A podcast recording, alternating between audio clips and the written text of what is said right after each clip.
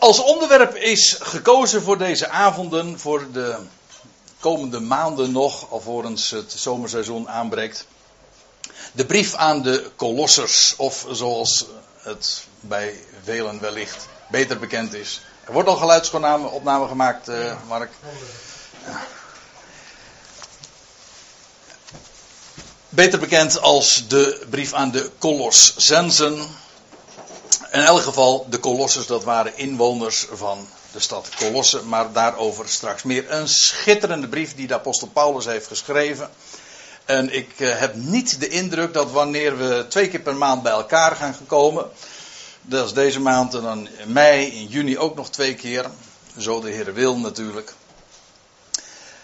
dat we dan al aan het einde van Colossense 4 zijn. Dat, uh, die illusie koester ik niet. Ik heb geen idee hoe snel we zullen gaan. We, ik wil niet al te langzaam op elk woord gaan inzoomen. Het zijn geen woordstudies, het is echt een, het onderzoeken van een brief. In dit geval dus de Colossense brief. Maar we hebben wel de gelegenheid om in alle rust, in alle vrijheid, relaxed de, de, de zinnen en de versen tot ons te nemen. En ons uh, daardoor werkelijk wijzer te laten maken. Ik zou natuurlijk een, een, inleiding kunnen houden over deze brief, de achtergrond. Maar mijn ervaring is dat het de slimste en de snelste manier is. En ook de meest uh, uiteindelijk meest voor de hand liggende manier.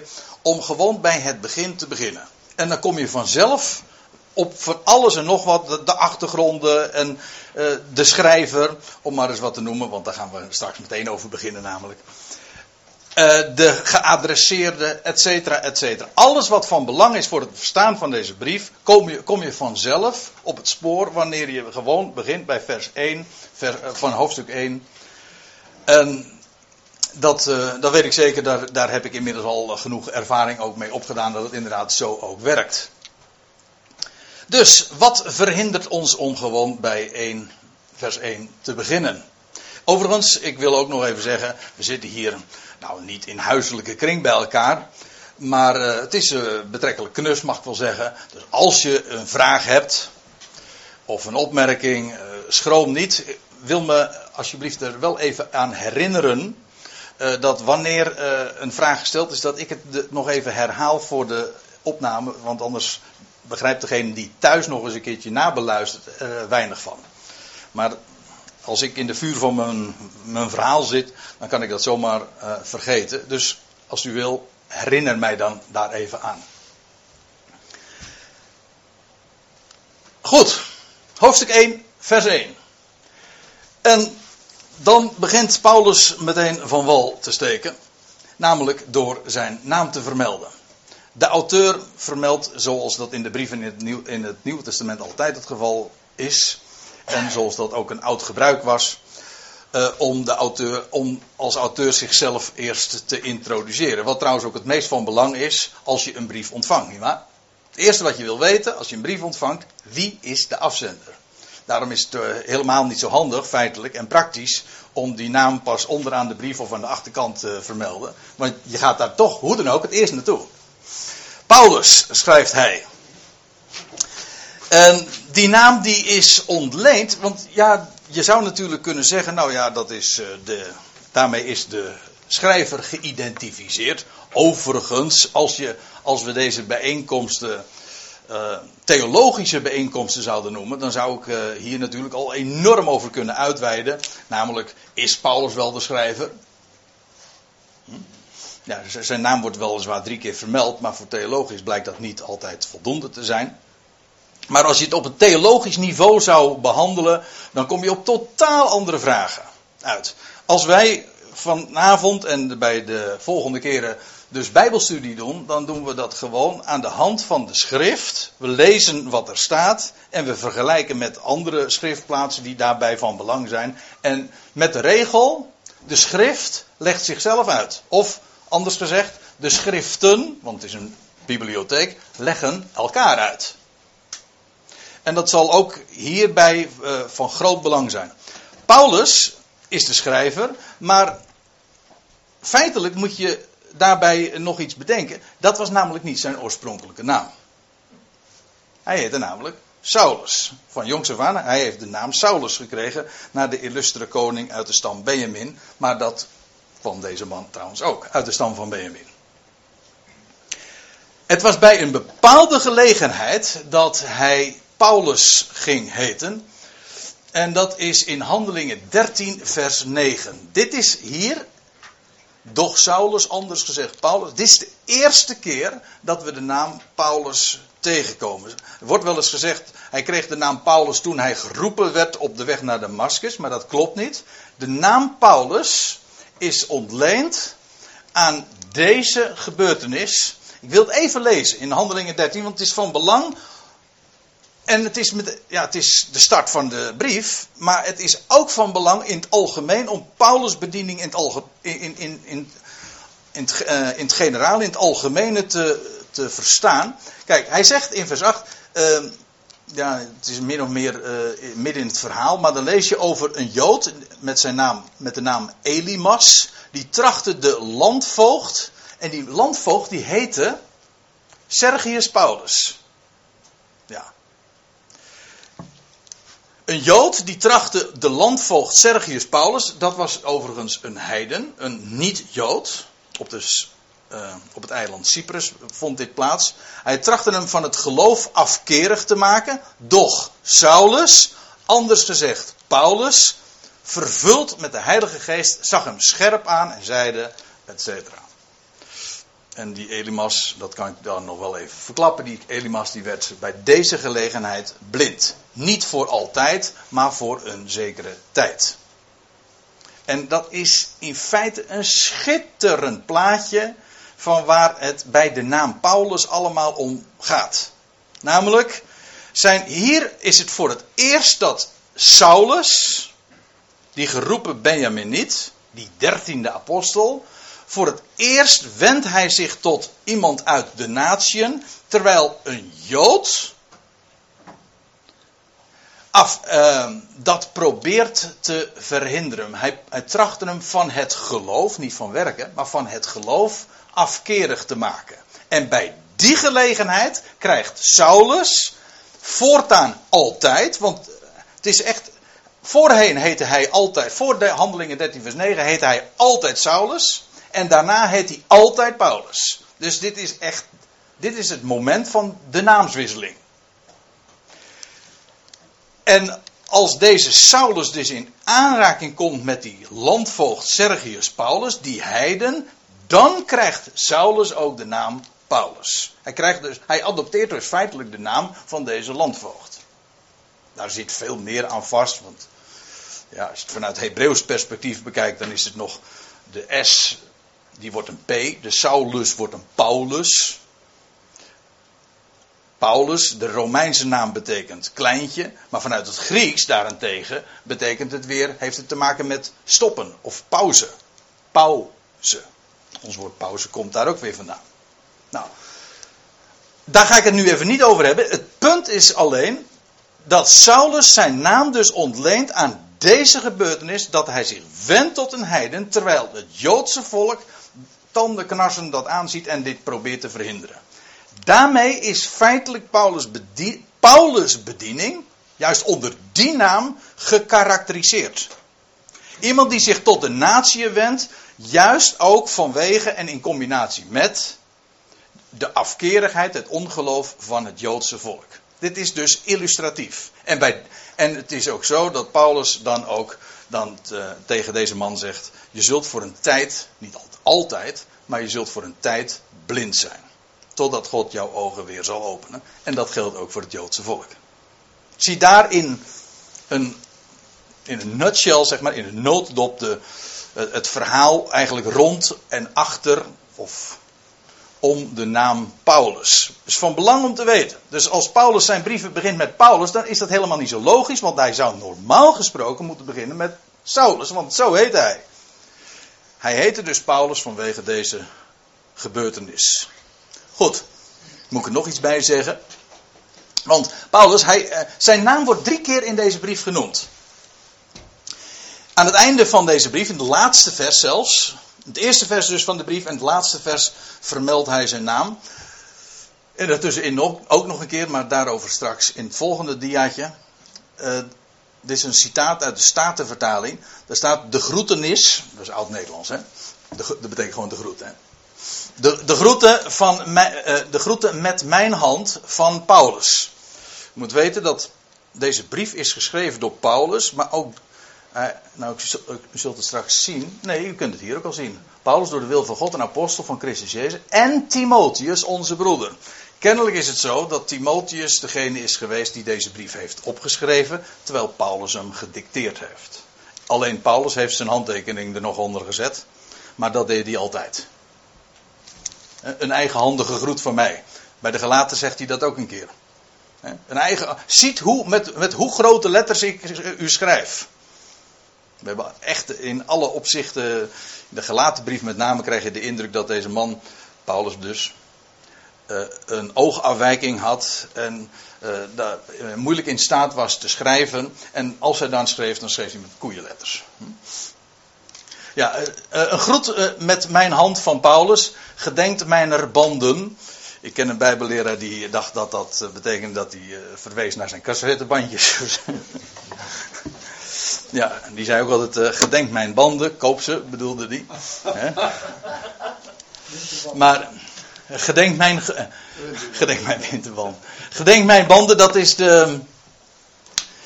Eh, in de, Staten, of in de MBG-vertaling staat uh, gedenk mijn gevangenschap, geloof ik. Hè? Maar dat staat letterlijk inderdaad. Maar ja, dat ligt nogal voor de hand. Als je gevangen bent, dan, zit je, dan lig, ben je gevangen in banden. Dus gedenk mijn gevangenschap. En dan de gebruikelijke groet, zoals hij altijd zijn brieven eindigt met: De genade zij met u. En zo is dat. Oftewel, Amen. Hier dus, hij begint de brief met Paulus, hij eindigt ermee. En uh, dan ook nog één keer in Colossense 1. Ik, ik, kan het niet nalaten om hem te vermelden. Maar wellicht dat we er vandaag nog meer aan toe zullen komen, aan dit vers. Maar dan schrijft hij over de hoop van het evangelie. Dat wil zeggen de verwachting die het, dat het goede bericht, de blijde boodschap, wekt. De hoop van het evangelie dat gij gehoord hebt en dat verkondigd is in de ganse schepping onder de hemel. En waarvan ik, Paulus, een dienaar geworden ben. Dus Paulus is degene die het evangelie wereldwijd heeft gebracht. Aan wie dan ook, Jood en Griek. Of eigenlijk zegt hij ergens in de Colossense 4. Aan Griek en Jood, in die volgorde. Aan Griek en Jood verkondigde hij uh, de boodschap van de hoop van het evangelie. Dus mijn vraag is daarmee het evangelie ook getypeerd. Ik heb altijd een beetje toch moeite met zulke, met zulke woorden als uh, evangelie. Ik heb, er, ik heb er op zich geen bezwaar tegen. Ik gebruik het zelf ook goed, uh, of vaak genoeg. Maar uh, het is een Grieks woord en het zegt in wezen in het Nederlands niks. Evangelie betekent ja, een blijde boodschap. Of zoals ik zelf graag zal zeggen, een goed bericht. Een goed bericht, dat is wat evangelie is. En dat ligt dus ook wel helemaal in de lijn met uh, wat er hier dus voor staat. De hoop van het evangelie. Een goed bericht dat wekt hoop, verwachting. Universele verwachting zelfs. Maar daar had Paulus ook wel over geschreven in, ditzelfde brief, in dezezelfde versen, mag ik wel zeggen. Ik zeg altijd, dit, dit heet uh, de Kolossenbrief. Maar dat is, denk ik, maar dat is mijn Nederlandse verklaring, en u mag er anders over denken, dat is vanwege de kolossale hoop die hij predikt en optekent. Ja. Goed. Uh, ja, we kunnen niet bij elk woord natuurlijk zo lang stilstaan, maar goed, dit is de aanhef. Zo komt Paulus binnen met het vermelden van zijn naam, dat hij dus drie keer doet in deze brief. Paulus, dan schrijft hij door de wil van God. Trouwens, even tussen, eh, uh, haakjes. Uh, ik zal vaak ook de interlineaire tekst hieronder vermelden. Niet dat ik daar zo al te vaak naar zal verwijzen, maar dan kunt u ook zien hoe het in, in het Grieks staat. Dat zal voor de meesten erg Grieks zijn. Mm, daaronder is de, concordant, de concordante weergave. Dat wil zeggen de meest letterlijke concordante, eensluidende weergave. En daaronder, dat blauwe, dat is de wijze zoals de MBG het heeft weergegeven. En dat is uh, soms uh, heel goed en soms wat minder. Om maar even een voorbeeld te geven. Hier staat Timotheus, de broeder. En hoe heeft de MBG dat weergegeven met Timotheus, de onze broeder? Nou, dat staat er dus eigenlijk niet. Is dat nou zo'n kolossale fout? Nou, nee, dat zou ik niet zeggen. Maar dus, dit is wat er echt dus staat. En als je Bijbelstudie doet, dan wil je toch weten wat er echt in het origineel staat. En dan stel je niet tevreden met de wijze waarop de vertalers dat voor het gemak of om welke reden dan ook aan ons hebben voorgeschoteld. Goed, Paulus zegt dus door de wil van God, letterlijk staat er dus ook hier niet door de wil, maar door Gods wil. Door wil van God. Uh, een apostel van Christus Jezus. Dat doet hij vaker, zoals hij zich dan al bij zijn introductie, dan zegt hij door de wil van God. De tegenstelling is natuurlijk, het is niet mijn eigen keuze. Het is door de wil van God dat ik een apostel ben. En ja, daarmee is ook uh, veel gezegd over de wijze waarop Paulus een apostel is geworden. Hij is geroepen, maar dat was op de weg naar Damascus, terwijl hij moord en, en doodslag uh, blies. Hoe, lees je, hoe formuleert hij dat zelf?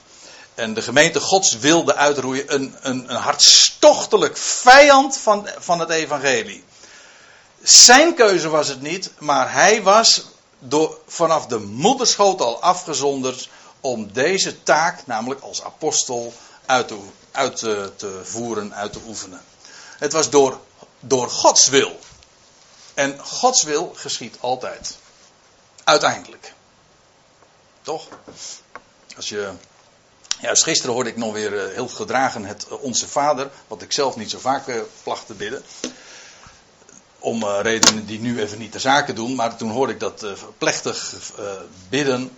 Maar dan wordt het ook zo mooi gezegd. Uw, onze Vader, die in de hemelen zijt, uw wil geschieden in de hemel, zowel als ook op de aarde. Gods wil geschiet uiteindelijk altijd. En zelfs als een mens zijn onwil toont, dan kan God een andere weg gaan, maar zijn wil uiteindelijk geschiet toch. Als God iets wil, gebeurt het altijd. Daarom, dat is uh, een, succesvolle mededeling. en Paulus was daar een bewijs van. Hij wilde niet, maar God wilde het en dus gebeurde het. En nou kon hij afkerig zijn als geen ander. Hij, hij noemt zichzelf niet voor niks. De grootste, de eerste der zondaren. Ja, maar God had een plan. God had hem voorbestemd en afgezonderd vanaf de moederschoot. Dus wie kon dat keren? Nou, Saulus zelf niet hoezeer hij ook, hoe fanatiek hij ook was, wat voor ijver hij ook aan de dag legde, wat voor bezwaren hij ook had, hoe hij ook tegenwerkte, God pakte hem bij de kraag en zo werd hij een apostel. Een gedreven man. Geweldig. Met recht dus door de wil van God, die alles op zijn plek zet. Een apostel. Ja. Ook, ik, wat ik net zei over het woord, eh, van, over het woord evangelie, kan ik nu eigenlijk ook herhalen. Maar nu in verband met het woord apostel, want apostel is ook weer zo'n Grieks woord. Wat voor ons betrekkelijk niet, niet zeggend is. Het is dat het gewoon ook in, de, in het christelijk jargon en in het kerkelijk gebruik uh, binnengekomen is. En dan spreken we over de apostolische geloofsbeleidenis. Wat trouwens helemaal geen apostolische geloofsbeleidenis is. Heb je wel eens, bij, wel eens over nagedacht? U kent toch de, de twaalf artikelen des geloofs? Dat wordt altijd genoemd de, de, de apostolische geloofsbelijdenis, suggererend dat de geloofsbelijdenis door de apostelen is doorgegeven. Wat niet het geval is. Nou, goed. Eh, een apostel. Het apostolaat. We, we kennen de, het woord in allerlei verbanden ook. Maar een apostel is een normaal Grieks woord en het betekent gewoon een afgevaardigde. En feitelijk zou je er dus verstandig aan doen wanneer om het woord gewoon altijd om te zetten. Dat geldt bij evangelie, dat is goed bericht. Apostel, dat is een afgevaardigde. Of eventueel een gevolmachtigde. Het is grappig, maar je leest ergens in de Filippense brief. Het woord apostel komt natuurlijk heel vaak voor in het Nieuwe Testament. Eén keer komt het voor uh, in een ander verband, dat het helemaal niet gaat, denken we dan over apostelen. En dan wordt het vertaald met afgevaardigden. Die ene keer dus dat de, de ene uitzondering werpt nu juist licht op het alle, al het overige gebruik. Dat uh, is uh, een heel frappant verschijnsel, dat zie je wel vaker. Maar ook hier dus, hij is een afgevaardigde van Christus Jezus. Kijk, en dat is van belang. Een, hij is afgevaardigd, hoogstpersoonlijk, door Christus Jezus zelf. Zo staat het er. Een afgevaardigde van Christus Jezus. Een term die je uitsluitend bij Paulus vindt. Weet u dat eh, de, de term, ik heb het hier vermeld, hij komt 94 keer voor in de brieven. En uitsluitend bij Paulus. Gaat maar na. Nou, er zitten hier mensen met een, eh, een bijbeltje en, of een bijbelprogramma. En ze kunnen het zo, uh, je kunt het zo oproepen. En komt het ook nog twee keer in handelingen tegen in een iets, iets ander verband. Maar in de brieven uitsluitend bij Paulus. Waarmee je dus kunt zeggen dat aangezien het Jacobus het nooit gebruikt, Johannes niet, Petrus niet, Judas niet. Het is dus een heel een typisch Paulinische term. En als je erover nadenkt, begrijp je het ook onmiddellijk. Namelijk, Paulus kende namelijk uh, deze, deze persoon over wie hij het hebt, Jezus, ook op deze wijze. Het, het, zegt iets ook over de, de chronologie, als ik het zo mag zeggen. Kijk, toen Jezus geboren werd, nee, hij werd geboren en men, uh, hoe lees je dat in Matthäus en Lucas? En men gaf hem de naam Jezus. Dat is de naam van de mens die hier op aarde wandelde. Het is door zijn, door zijn roeping, sinds zijn doop in de Jordaan en later heel officieel vanaf zijn opstanding, dat hij de Christus werd. God heeft hem, zegt Petrus, tot Here en tot Christus gemaakt. En dan heeft hij het over zijn opstanding. Tot, tot gezalfde. Want uh, ja, het verhaal begint uh, al heel gauw eentonig te worden. Maar ook bij Christus moet je weer hetzelfde verhaal vertellen. Als wat ik al zei over evangelie en over apostel. Want Christus is ook weer zo'n term. Uh, wij denken dat het een naam is, maar het is geen naam, het is een titel. En het betekent gezalfde. Het is exact hetzelfde als Mashiach of Messias. Het ene is alleen Hebreeuws en het andere is Grieks. Maar het betekent gewoon gezalfde, gezalfd. Nou, Jezus is degene die hier op aarde rondwandelde. Vanaf zijn geboorte heette hij Jezus. Als opgestane is hij de Christus. Maar hoe kende, hoe kenden de twaalf hem?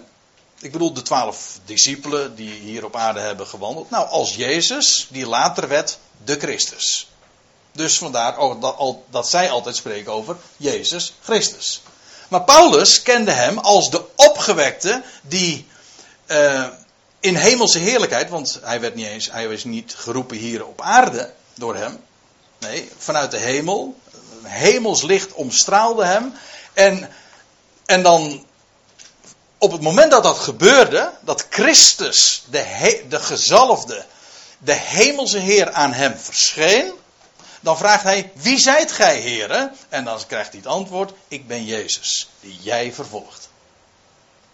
Dus hij leerde hem kennen als de opgewekte, als de verheerlijkte in hemelse heerlijkheid. En wie was dat dan? Wel, dat was degene die hier op aarde bekend was onder de naam Jezus. Dus met recht. Hij, Paulus kende hem als Christus Jezus. Als je erover nadenkt, is het volstrekt logisch dat Paulus hem bij voorkeur ook op deze wijze aanduidt. Niet exclusief, want in een bepaald verband kun je echt wel spreken over Jezus Christus. Het is niet dogmatisch of zo, van zo moet het. Maar het is, er zit logica in. Het is volstrekt logisch dat het zo ook wordt aangeduid. Goed, hij is een afgevaardigde van Christus Jezus. Daarmee is iets gezegd. Wat zeg ik? Daarmee is alles gezegd over zijn autoriteit.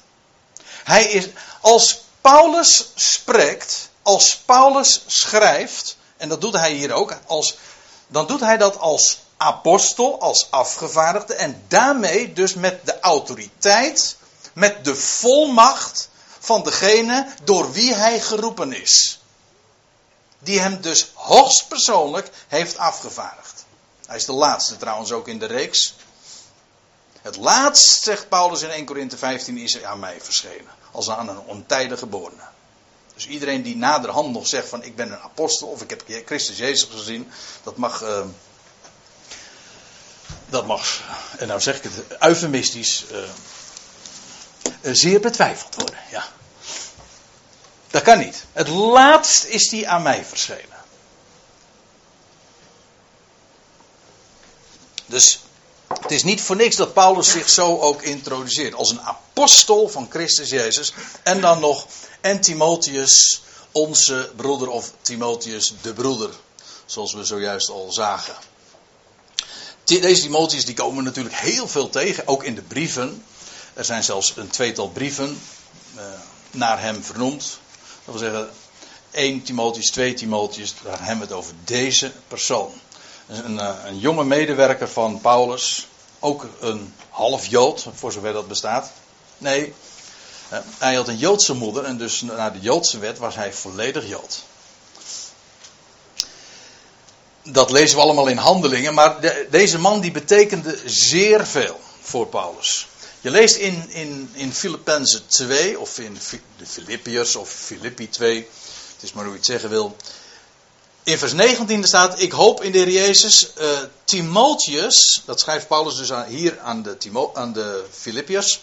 Ik hoop in de Heer Jezus Timotheus spoedig tot u te zenden. En dan even later. Want ik heb niemand die zo eensgeestes is, letterlijk staat er gelijk ziels is, één van ziel. Uh, ja, nou vind ik dit heel, heel storend in de MBG-vertaling. Daar zie je dat weer. Dus dat met u staat er niet. En het is, het is zelfs een verkeerde indruk die hier gewekt wordt. Ik heb niemand die zo eensgeestes is om uw belangen getrouw te behartigen. Niet eensgeestes of eens één van ziel uh, met jullie. Nee, één van ziel met mij. Ik heb niemand die zo één van ziel is, waarmee Paulus dus zegt wat Timotheus voor hem betekent. En dat, dit was natuurlijk een aanbeveling uh, voor de, ten behoeve van de Filippiërs. Want als Paulus zegt van nou die, die, die Timotheus, uh, die, die, die zend ik nou tot jullie. Uh, waarom? Nou, hij zegt er is niemand die dat zo goed kan. Ik zeg het nu even met, met mijn eigen woorden als hij, want ik, hij is één van ziel met mij. Ja, of hij is, hij is, één, eh, hij is volstrekt één met uh, gelijkziels. Uh, om, waarom? Wel om uw belangen getrouw te behartigen, zoals Paulus dat zelf ook gedaan zou hebben. Ja. En dan, we gaan verder in de tweede vers. Aan de heilige, en dan de gelovige broeders, maar aan de heilige, dat wil zeggen aan de. Heilig betekent. Ja, God gewijd. Uh, afgezonderd, al die betekenen. Maar als iets gewijd is aan God, dan is het dus apart gezet en daarmee dus afgezonderd van de rest. Je kunt het negatief benaderen, het is apart gezet, uh, het is afgezonderd van, maar het is eigenlijk, de gedachte is vooral, het is afgezonderd tot. Positief dus. Gewijd aan. Aan de heilige en staat erbij en gelovige broeders in Christus. gelovig, ja wat is gelovig? Ja, je, het zou kunnen zijn dat, je, uh, dat een van u of jullie nu denkt van ja je kunt, waarom moet je daar nou bij stilstaan? Nou, doe het toch omdat wij bijgelovig soms, uh, bijgelovig, leuk hè, uh, zulke rare dingen denken. Hè? Dat doen mensen bij ook en dan worden ze bijgelovig. Maar ik bedoel dit. Uh, gelovig, dat is iemand uh, die. Nou, dat is iemand die naar de kerk gaat. Hm? of iemand die. Ja, ik, ik ga daar nou geen commentaar op geven. Want dat wordt allemaal opgenomen per slotverrekening. Hè. Maar. Of iemand die godsdienstig is. Iemand die godsdienstig is, iemand, een moslim die heel erg serieus zich bewust is van, van zijn godsdienstige identiteit. Zegt, nou, die is heel gelovig. Ja, gelovig, dat kan van alles betekenen. Iemand die iets vertrouwt. Want dat is wat gelovig echt betekent. Maar je moet altijd daarbij de vraag stellen: ja, wat geloof je eigenlijk? Of beter, wie geloof je? Kijk, geloven doen we namelijk allemaal. En zelfs al zeg je: ik geloof niet in God, dan geloof je nog, namelijk dat God er niet is. ja, toch? En zeg ik geloof niet in God, dan geloof je nog, namelijk niet in God. Geloven eh, hebben we allemaal. De vraag is, wie geloof je? En daarmee dus, wat geloof je? Want als ik, als, als u mij gelooft, wat ik u niet aanbeveel, en wat ik zeker niet op een avond als deze propageer. Ik zeg eerder, geloof mij niet. Wees, heb een gezonde dosis wantrouwen. En zeg van nou, ik wil het best aannemen, maar dan moet ik het eerst zelf gezien hebben in de schrift. En eerder doe ik het niet. Dan zeg ik, nou, dat lijkt me een hele goede instelling. Dus dan kun je alles uh, wat, uh, wat, uh, wat je niet terugvindt, kun je gewoon gevoeglijk weer vergeten. Maar kijk, als je iemand gelooft, dan wil dat zeggen, je vertrouwt iemand en daarmee stel je ook je vertrouwen in dat wat iemand zegt. Als iemand zegt van ik ben daar geweest, dan geloof je, en je gelooft hem, dan zeg je nou, zo is dat.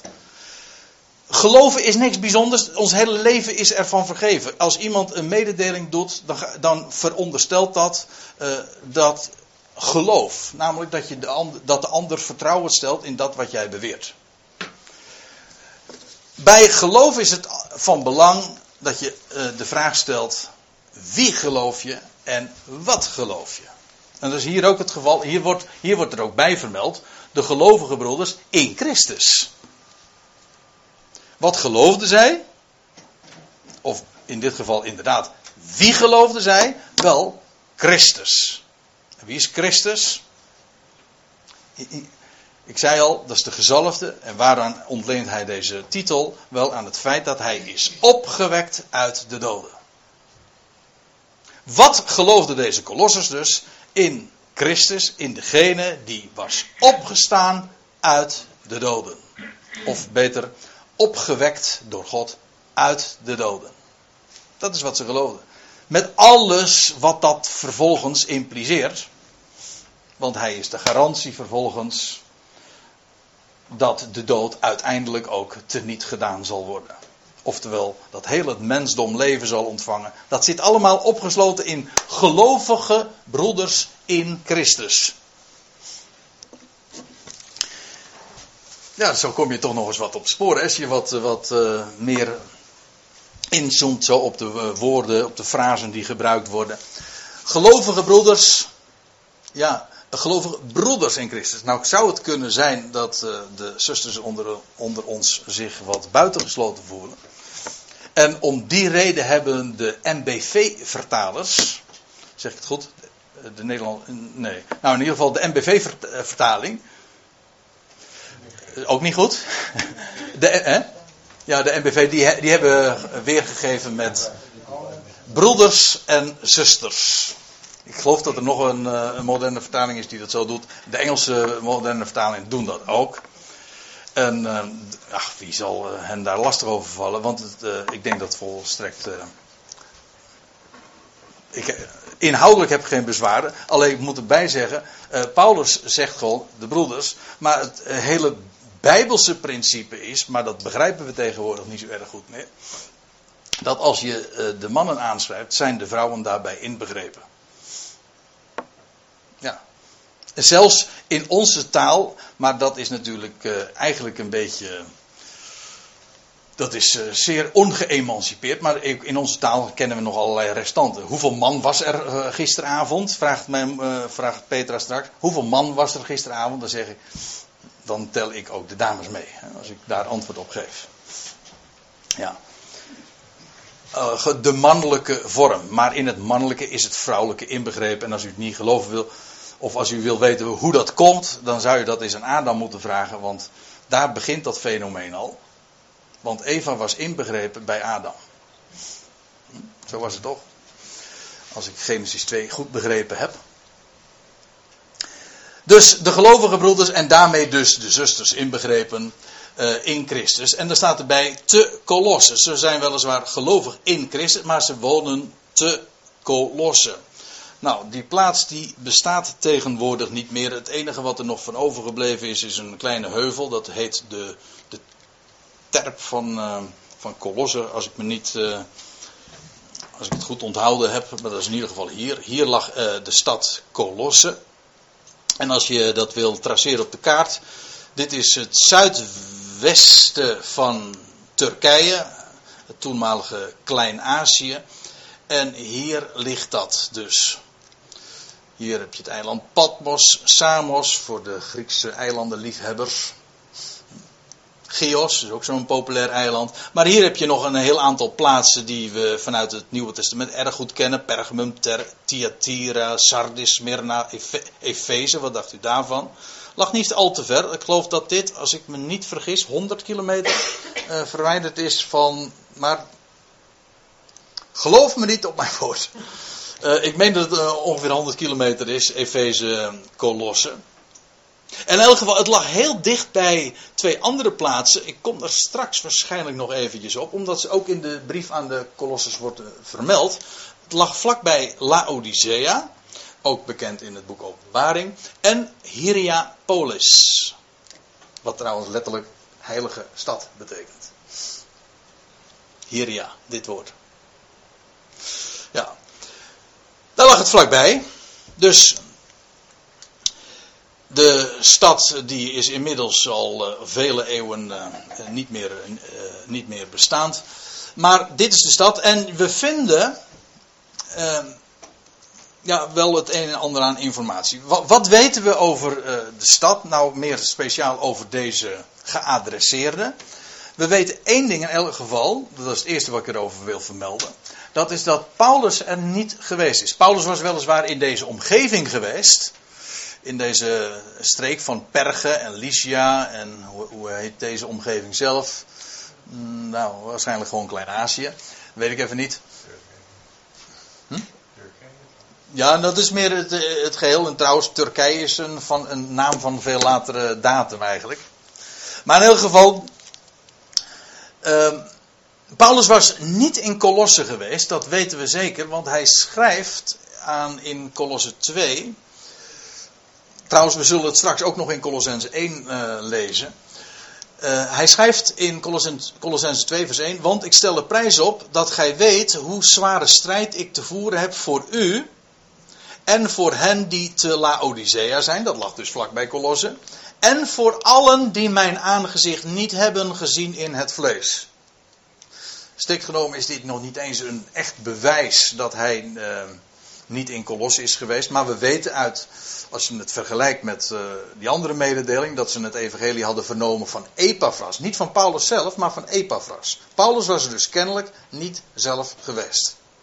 Het evangelie was tot hen gekomen via een andere man, Epaphras, maar daarover straks meer. En dan heb ik, uh, ik kan er nog iets over vermelden, over deze kolossers. En dat is dat we en, dat, dan komen we in hoofdstuk 4, als uh, aan het slot van de brief Paulus wat uh, huishoudelijke mededelingen nog doorgeeft, de groeten doet aan die en gene. Dan zegt hij in Colossense 4, vers 2, nou ik val midden in de zin, maar dan staat er samen met Onesimus, mijn getrouwe en uh, geliefde broeder, die één van de uwen is. Dus Onesimus was een kolosser. Zij zullen u van alle omstandigheden hier op de hoogte brengen. Onesimus was een van de hunnen. Een, was een kolosser dus. Nee, ja, ik, je denkt, er was een, die was de kolos, die was de kolos. Nee. Nee, dat bedoel ik niet. Hij was een kolosser. En van Onesimus, want kijk, zo, werkt Bijbelstudie. Hè? Je pakt een concordantie en kijkt waar een woord nog meer voorkomt. En dan kom je van het een op het ander op het en weer, weer andere schriftplaatsen. Want nou, als je de naam Onesimus hoort, dan moet je meteen denken aan de brief aan. Sorry? Philemon, ja. Of, of Philemon, Philemon. Want deze Onesimus, dat was de slaaf van ene meneer ik zeg met recht de heer Philemon, want in die verhouding ligt dat dan. Onesimus was de slaaf en Philemon was de. Nee, nou, goh, nee, nou zeg je het uh, verkeerd. Uh, Onesimus was de slaaf en. En, en Philemon was de heer, ja. Dat weten we heel zeker, want we vinden, als we daar nou even naar, naartoe gaan, naar Philemon, dan lees je dit, want dan komen we namelijk meteen uh, nog wat meer te weten over deze, over deze kolossers.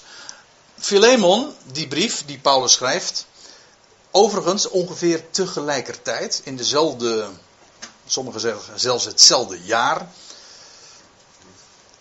Je zou zelfs Philemon kunnen noemen de tweede brief aan de kolossers. En waarom? Nou, dat zal ik nu laten zien. Paulus begint zijn brief weer zo. Een gevangene. Nu, nu introduceert hij zich niet als een apostel, want dat is niet van belang. Het is een persoonlijke brief. Een gevangene van Christus Jezus en Timotheus, de broeder. Aan de geliefde Philemon, onze medearbeider. En dan aan Apphia, de zuster. Gewoonlijk wordt verondersteld dat het de vrouw is geweest van deze Philemon. En aan Archippus, en dat zou dan de zoon zijn. Maar met pervisie, dat staat er niet. Het is hooguit een suggestie die gewekt wordt. Trouwens, deze Archippus wordt ook genoemd in Colossense 4. Kijk het maar na in hoofdstuk 4, vers 17. Uh, dan staat er aan, uh, aan Philemon, onze, liefde, onze medearbeider, onze, aan Apphia, de zuster, uh, aan Archippus, onze medestrijder, en aan de gemeente, de Ecclesia, te uwen huizen. Dat, dat, daarmee is inderdaad dus bevestigd dat het inderdaad ging over een huisgezin. Paulus adresseert deze brief aan, aan Philemon en aan de zuster en aan ene Archippus. En aan de gemeente te uwen huizen. De Ecclesia kwam bij elkaar in huis. Waarmee we dus uh, een paar dingen in één klap weten. En dat is deze, deze Ecclesia, te, uh, deze gelovige broeders waar Paulus zich aan richt. Tot recht in de, in de Colossensebrief. Die kwamen bij elkaar in een huis. Dus dat is niet een al te groot gezelschap geweest. Dat is een ding wat zeker is. Ja, goed. Over aantallen kun je geen uitspraken doen. Maar het is meestal trouwens zo, als je leest het maar na in. Of het nou praat over de gemeente, de Ecclesia te Rome. Ook het woord gemeente is al een beetje belast hoor. Ik spreek liever over de Ecclesia, een uitroepsel. Een uitroepsel, het, de gemeente of de, de Ecclesia te Rome, de Ecclesia te Korinthe, de Ecclesia te Efeze, de Ecclesia te Colosse dus. Ze kwamen bij elkaar in huis de gemeente in het huis van. Hier ook. Dat is dus niet een al te groot gezelschap geweest. In huiselijke kring waren zij uitgeroepen en kwamen ze dus bij elkaar.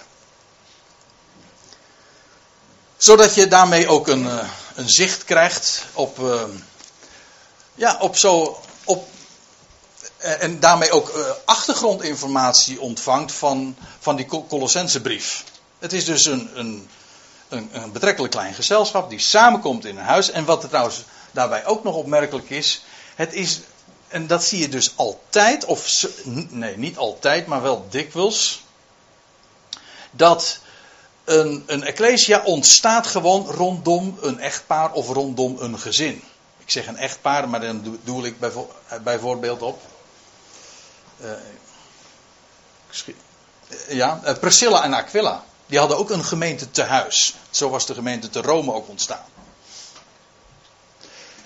Uh, je leest ook uh, nog bij een ander, maar zijn naam ben ik nu ook even ter plekke kwijt. Maar in ieder geval, die kwam ook uh, rond dat huisgezin. Waar, was het woord, dat was een soort van bastion, een plaats van waaruit het goede bericht had geklonken en waardoor er mensen waren uitgeroepen en die zo op deze wijze ook bij elkaar kwamen. Totaal niet institutioneel of georganiseerd of zo. Nee, gewoon een heel normaal communicatief uh, fenomeen. Hè? Je, je spreekt een boodschap, dat, dat roept respons op en je, je zoekt elkaar op, je vindt elkaar. Nou, zo ging dat in de gemeente, zo ging dat in de dagen van, van Paulus. En daar vinden, Ja, er waren mensen die, ja, dat staat hier ook, hè, onze medearbeider, die, hij werkte mee met Paulus. En je leest zelfs van die Archippus was een medestrijder. Want je weet het, het mag dan een goed bericht zijn. Op het moment dat je het vertelt, dan ontstaat de strijd. Waarom? Hoe, waarom? Waarom ontstaat de strijd over een goed bericht? Dat is toch iets wat met open armen ontvangen wordt? Zou je denken, hè? Ja. Nou ja, probeer het maar eens uit. Vertel het maar eens een keertje. Of, hè? Het is gratis. En de, en, en, en de ervaring is in de. Dat zie je altijd weer in het Nieuwe Testament ook. De strijd wordt, wordt opgeroepen in een godsdienstige context. Dat was toen zo en dat is nu nog steeds niet anders.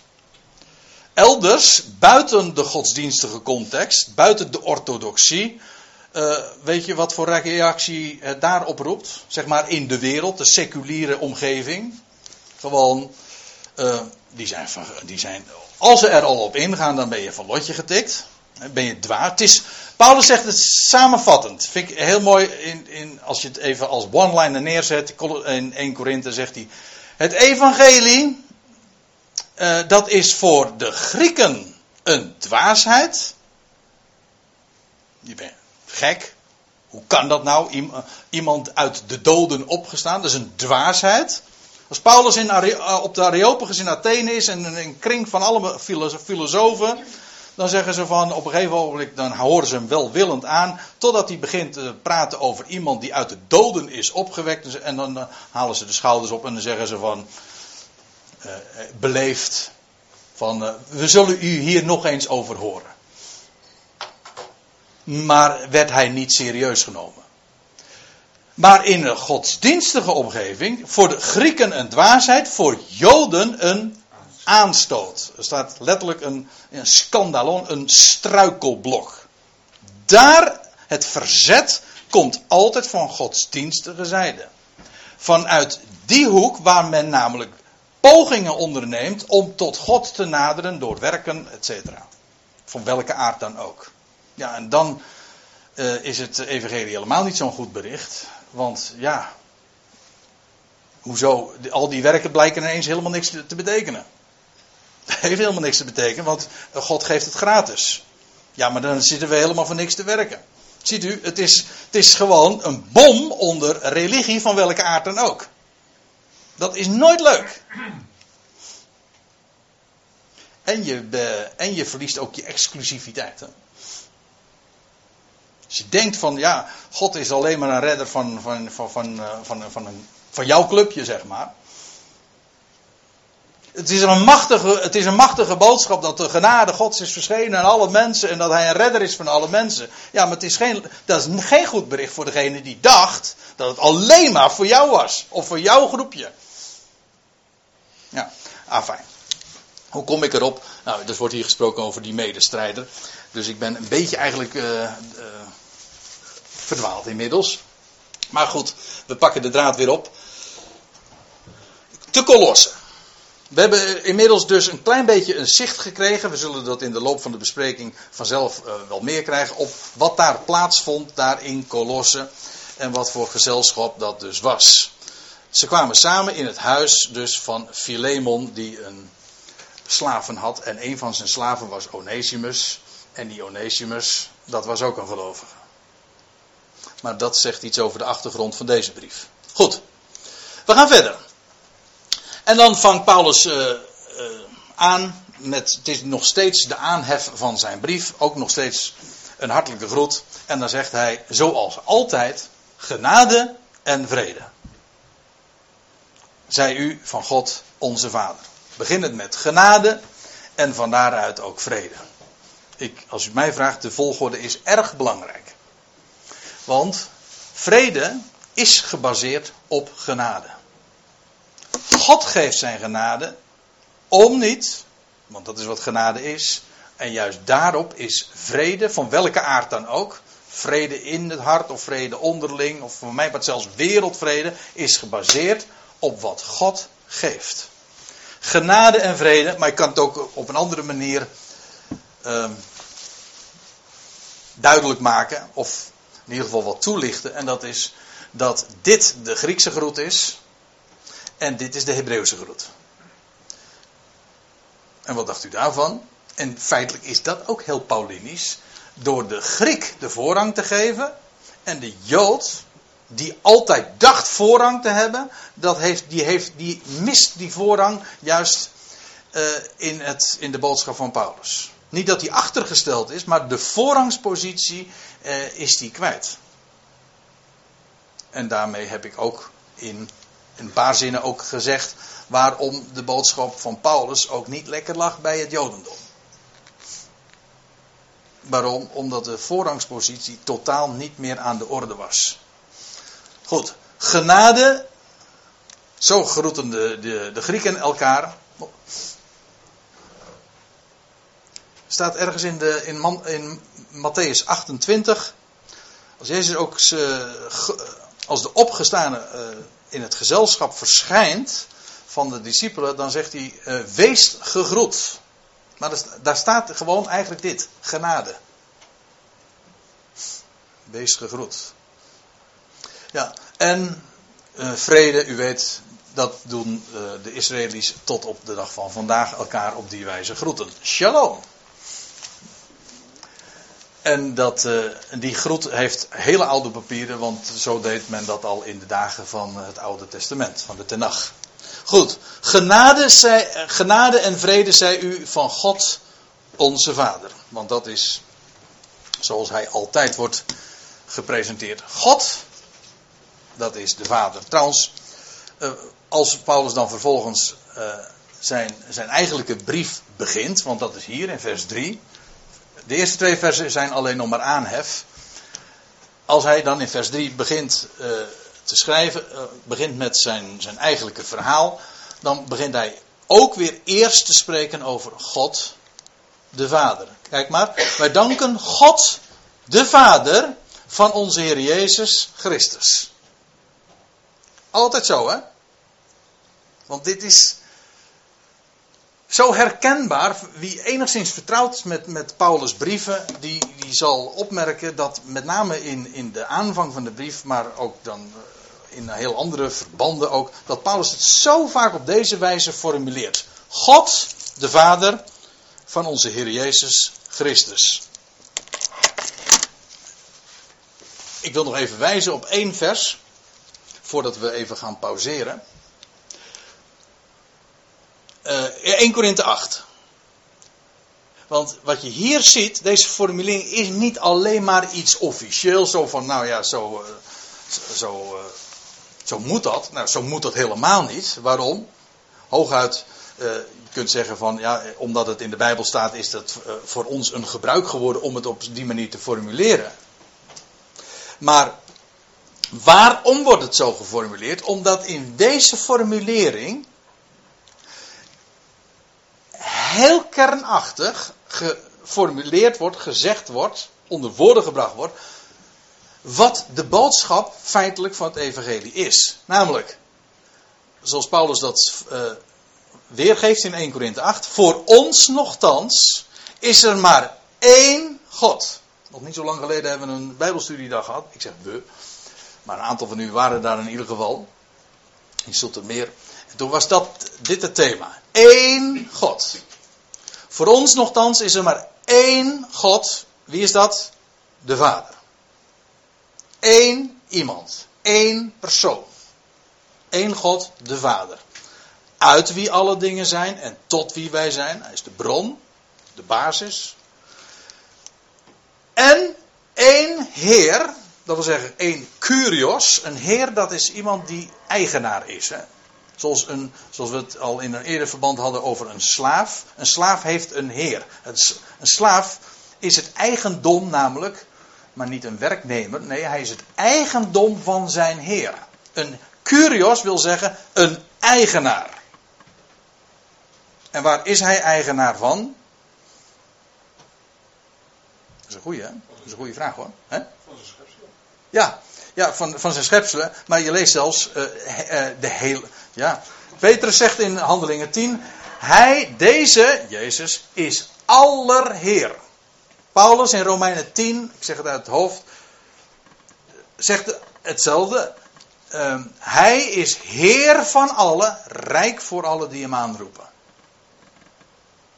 De aarde is des Heren en haar volheid. Dat wil zeggen, wat is van de Heer? Nou, gewoon alles, net wat je zegt. Ja, het is gewoon allemaal van hem. Om meer dan één reden, omdat hij de schepper is. Dat wil zeggen, God is de schepper en hij heeft toevertrouwd aan de Heer. Dat wil zeggen, degene die hij gesteld heeft, die hij gemaakt heeft. Nou kom ik daar weer even op terug. Op een vers wat ik eerder citeerde, Handelingen 2, vers 36. God heeft hem gemaakt, door zijn opstanding, tot Heer en tot Christus. Waarmee gezegd is, uit hoofde van zijn opstanding heeft hij nu de hoogste. Hij is de gezalfde. Hij is ook de Curios. Hij is Jezus. Dat wil zeggen, God, Jaweh, is redder. En Christus. Degene door wie alle dingen zijn. Het kanaal waardoor God alles realiseert. We danken God de Vader van onze Heer Jezus Christus. Ten alle tijden bij ons bidden voor u. Nou, we gaan natuurlijk straks uh, uh, verder. Maar ik stel voor dat we eerst eventjes een kopje koffie gaan drinken.